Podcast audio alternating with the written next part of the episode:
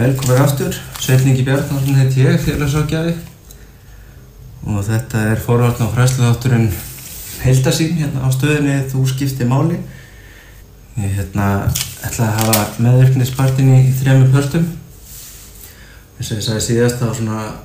þetta er það viðtækt, mér fannst ég ekki ná að koma þessu öllu frá mér. Ég ætla að reyna að koma þessu svona skiljanlega frá mér í einum þætti og hugsunum mín er svo að, að þegar fólk er í klemmunni, er í aðstæðunum að þá sé þetta svona kannski smá hlustun sem getur aðstofa við það. Ég veit ekki alveg hversu mikið þetta gagnast fólki sem er bara með sitt í lægi og annað en mér langar virkilega til þess að að geta aðstofa fólk sem er fast í sambúð með fíkli eða á bat sem er fíkil og bara hreinlega veit ekkert hvernig það á að snúa sér og finnst það alltaf svona að býða eitthvað ósegur í samskiptunum. Og það er svona með þetta að að vera meðverkur og finnast maður svona að vera að tapa í samskiptum það kemur til því að sjálfsverðingin hún er bara fyrir hrakandi hjá meðverkum einstaklingum. Og oft byrtist það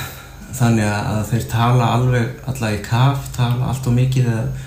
eða þegja alla í hel. Þetta er svona svolítið svona öfga öfga dæmi oft og það er mjög algengt að þeir sem eru meðverkir að þeir að þeir finnst þau býða ósig og þegar að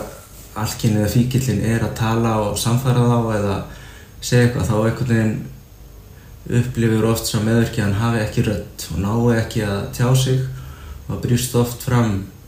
í reyði og, og svona óþóndu hugsunum og oft eru aðstöndur að endurspila samskiptin aftur og aftur og fara yfir hvað eru frekar átt að segja hvernig er það frekar átt að að koma fram í aðstæðanum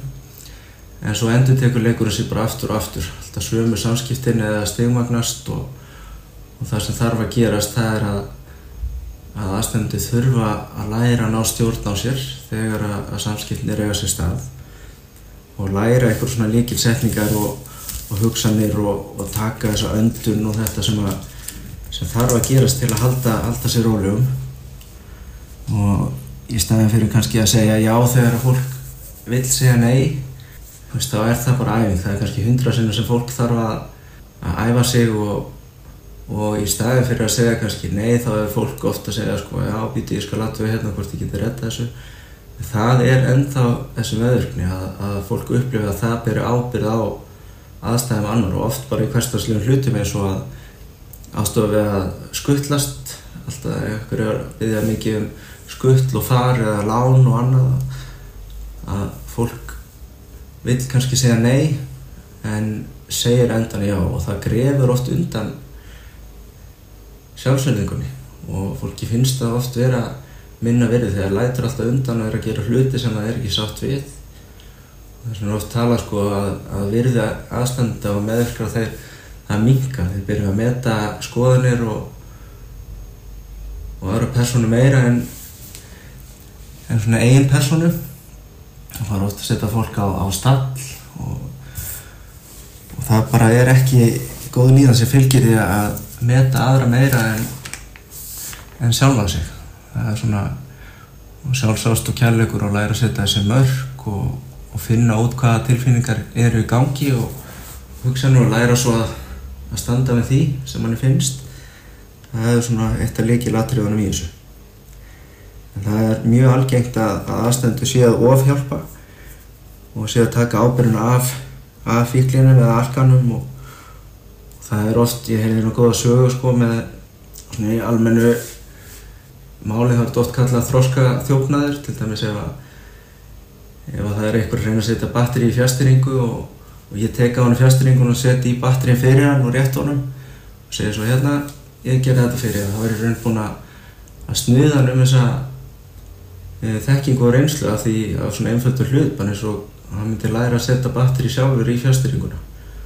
og þetta er maður ofta að gera bæðið sem fóreldri aðstendu annar. Maður er að, að taka reynslu annara og kannski þróskaskref og finnst maður að vera að hjálpa með því að taka það af fólki. Það er mjög hjálplegt að læra að læra hvar, hvar maður er að gera þetta og reyna að ná eitthvað svona færni aukningu. Kannski ekki ekki rúka stað og hjálpa þegar að fólk myndi læra eitthvað af. Ég gera eitthvað sjálft sko. En það er líka það getur hjálpað að, að hugsa að að maður elur upp ósjálfbarga einstaklinga með því að gera allt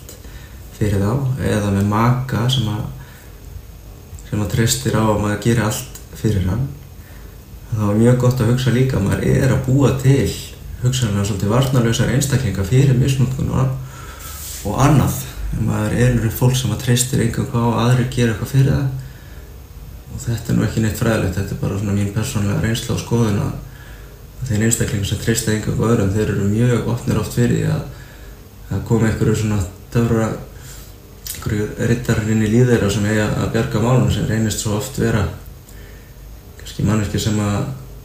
hefði ekki verið mjög hjálplegt að fá inn í aðstæðanir eða lífið. Þetta er náttúrulega ekkert algildi, þetta er bara svona pæling. Mér langaði svolítið til að, að fara í næst og langaði mér svolítið að taka fyrir lausnitar hvað er það sem er kannski bóði meira fyrir aðstandina hvað, hvaða æfingar og, og hvað er það sem að er umverulega svona hands-on æfingar bara í aðstæðinu hvað getur þú gert? Því að í grunninn þá er meðverknin svo skrítina því að það er einlaust og þetta þótt að hún sé mjög einföld að þá er hún oft mjög flókin í framkvæmt og það er bara sjálfstyrking að uppgöta hvaða hugsalega og tilfinningum maður ber, hvaða aðstæður og, og hvaða fólk maður er sátt við að hafa í og hvernig maður vil hafa hlutina. Og læra svo að setja þessi heilbriðu mörg og, og fylgja eftir eigið draumum og, og tilfinningum og, fara að lifa eigið lífi að vera ekki svona ofháður áliti annara vera ekki að ofhjálpa og vera bara að læra að vera svolítið sjálfstæður það auðvilt að segja svo það er gríðarlega erfitt í aðstæðanum og náðs og þess vegna er svo mikilvægt að taka þetta mjög lítil skref fyrir skref og setja sér mjög raunhafa kröfur og einmitt að passa sig að falla ekki í þann pitt að að fara að dæma sjálf á sig. Þar sem að sjálfsögðingin er oft orðin léleg þá eiga aðstendur oft til að, að sökka í pittið þar sem að sem finnst þér algjörlega að klúra hlutunum og finnst þér bera ábyrð á neyslu eða hefðun aðstandans og það er svo mikilvægt að læra hvað er eðlegt og hvað er ekki og hvað er maður segis og hvað er hvað eiga aðra að taka ábyrð á. Og það er mjög mikilvægt einmitt að að taka og vinna í einn fortíð maður er aðstandið meðurkur og sjá hvort að það sé að lita eða, eða að í rauninni viðhalda meðurkni að vinna í fortíðinni og sjá hvort að maður sé með eitthvað svona meðurka persónuleika sem sem að er hægt að vinna í hægt og rólega því að það er hægt að bæta persónuleikan það er bara svo les þetta er allt svolítið fljótandi og það er hægt að vinna í öllu sem maður vil vinna í. Ég hugsa ég láti það bara vera svona loka orðin í dag og bara sjáumst í næstu viku. Takk fyrir að hlusta